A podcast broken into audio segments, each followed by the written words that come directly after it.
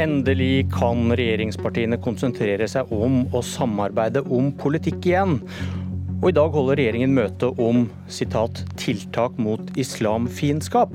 KrF-leder Kjell Ingolf Ropstad er her for å fortelle oss hva islamfiendskap er, og om han føler at han av og til sitter rundt et stort bord i dårlig selskap. Velkommen barne- og familieminister og KrF-leder Kjell Ingolf Ropstad. Tusen takk. Hva er det dere kaller islamfiendskap? Vi ser jo i Norge at det dessverre fortsatt er muslimhat og fiendtlighet. Og det vi er opptatt av, er jo alt ifra at det er barn i Norge som nå, etter det forferdelige terrorangrepet mot moskeen i Bærum, bærer på frykt for at noe sånt skal skje igjen, eller de blir mobba. Det er muslimer som blir utsatt for diskriminering, eh, hat, trusler, eh, vold.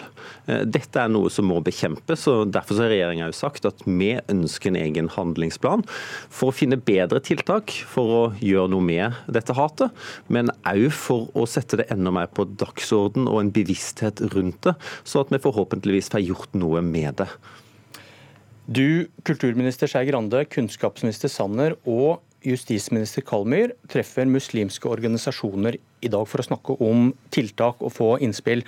Eh, hva slags tiltak tror du på for å gjøre noe med islamfiendskap? Ja, nei, nå er det som du sier at Vi skal møte Muslims dialognettverk og Islamsk råd Norge i dag. og Jeg håper jo at de kommer med konkrete, gode innspill. Men jeg syns vi har hatt veldig gode erfaringer med handlingsplanen mot antisemittisme. KrF tok initiativ til den, for vi så òg at i tillegg til muslimhat, så er det et sterkt jødehat i Norge. I den handlingsplanen der så er det vært f.eks. et tiltak som jeg syns er godt, eh, veivisere. Der det er unge jøder som reiser rundt på skole for å fortelle om jødisk praksis dempe fordommer mot det, som de mener har hatt god suksess. Det kan tenkes kan være ett av tiltakene. I tillegg så eh, der registrerer politidistriktene eh, hatkriminalitet som er knytta til antisemittisme. Det gir òg en bevissthet i politiet, en oppmerksomhet rundt det, og økt kunnskap. Og på mitt felt, i tillegg til barne og familie, så har jeg tros- og livssyn. Der deler vi ut fem millioner kroner til ulike dialog, eller til organisasjoner for å sikre god dialog. Det er jo et tiltak tiltak som, som jeg tror eh, vil kunne ha god effekt. Og Så venter vi da på andre innspill for å forhåpentligvis få en enda bedre handlingsplan. I 2017 så kom det en undersøkelse regjeringen eh, betalte for, holdninger til jøder og muslimer i Norge, der det kom fram bl.a. at 34% av befolkningen har utpregede fordommer mot muslimer. 39% støtter at muslimer utgjør en trussel mot norsk kultur. Og 30% tre av ti, mener at muslimer ønsker å overta Europa. Eh, hvordan mener du begreper som snikislamisering, som din regjeringskollega Siv Jensen sier hun skal fortsette å bruke, påvirker hvor mange som tror at muslimer ønsker å ta over Europa og Norge? Altså, først må jo si at De tallene er jo urovekkende. Eh, for det er en tredjedel som har fordommer mot muslimer. Så er det jo ikke dermed sagt at alt det er muslimhat. Eh, det er fordommer. Men jeg er jo opptatt av å få bygd ned de fordommene. og Derfor så er jeg jo opptatt av at vi som ledere har et ansvar med hvilke ord vi bruker. og Jeg, eh, sa tydelig fra, eh, og jeg er glad for at statsministeren også gjorde, om at snikislamisering det er ikke et godt ord eller begrep. Og det, det finnes ikke i Norge.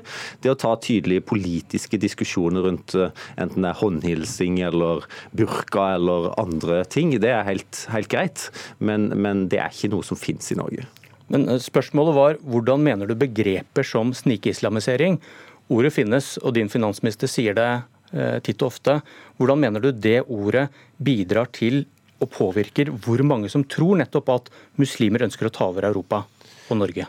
Altså, det viktige er jo at eh, vi som fellesskap jobber for å bygge ned fordommer. Og jeg mener at vi som statsråd er jo spesielt kanskje ekstra, har et ansvar for hvilke ord vi bruker. Jeg syns ikke det er et godt ord, et godt begrep, og derfor så har vi eh, sagt det.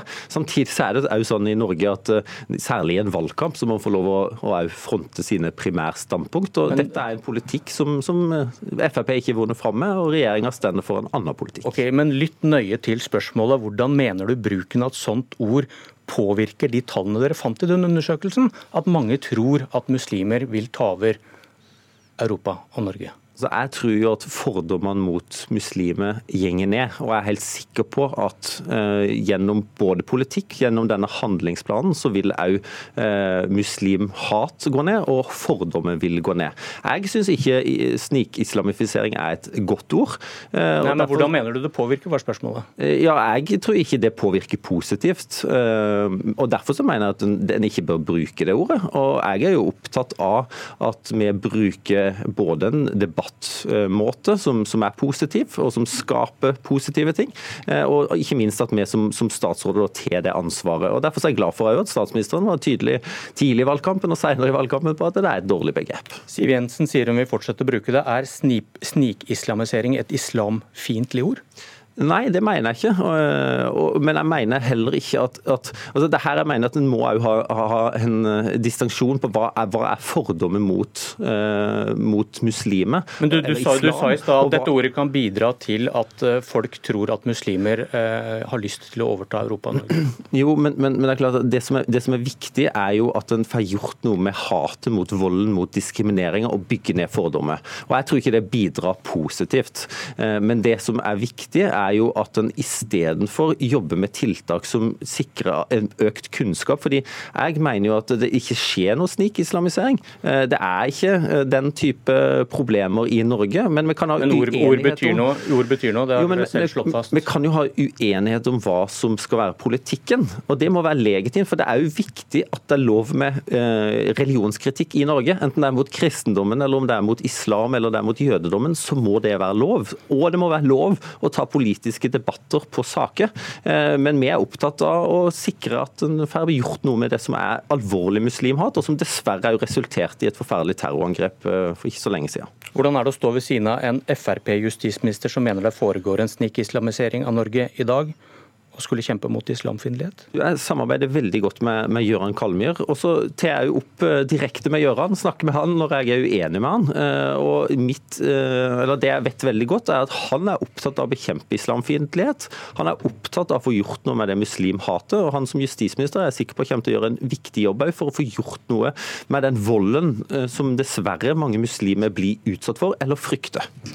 Du og regjeringen støtter Human Rights Service med millioner. De ba leserne sende bilder av tilfeldige muslimer på gata for å citat, dokumentere den kulturelle revolusjonen. Bidrar HRS til muslimfiendtlighet? Det er iallfall en organisasjon som jeg ikke har prioritert på mine budsjetter. Eh, men vi har flytta budsjettposten. KrF, eh, Dette er jo en organisasjon som har fått støtte fra staten siden 2006. og Det er jo sånn at det er mange forskjellige organisasjoner som får støtte. Det KrF gjorde for inneværende år, når vi satt i forhandlinger med den regjeringa som satt da, det var å flytte posten fra integrering og over til justisfeltet. Eh, så dette er iallfall flytta der, og det mente vi var prinsipielt òg viktig. Men lytt igjen til spørsmålet. Bidrar HRS til muslimfiendtlighet? Fiendtlighet? Eh, det er iallfall ikke med på å bidra til å, å, sikre at vi får en bedre debattkultur, men det er jo også sånn at det er en annen type stemme. Eh, og Spørsmålet er om staten eventuelt skal finansiere det. Det er et budsjettspørsmål, og det må vi ta i budsjettsammenheng òg i regjeringa. Når var du sist inne og leste artikler på HRS, HRS sine sider? Eh, det er lenge siden. Du vet ikke hva de driver med, men du skal likevel gi dem millioner? Eh, for å være helt ærlig, så gir vi eh, støtte til veldig mange ulike organisasjoner og tiltak. Og jeg har ikke oversikt over alle de, og det forventes heller ikke av en statsråd. La oss få en budsjett, budsjettlekkasje. Skal du fortsette å gi dem penger? ja, Det får du vente til 7. oktober, så får du se. Takk Kjell Ingolf Ropstad, og godt møte.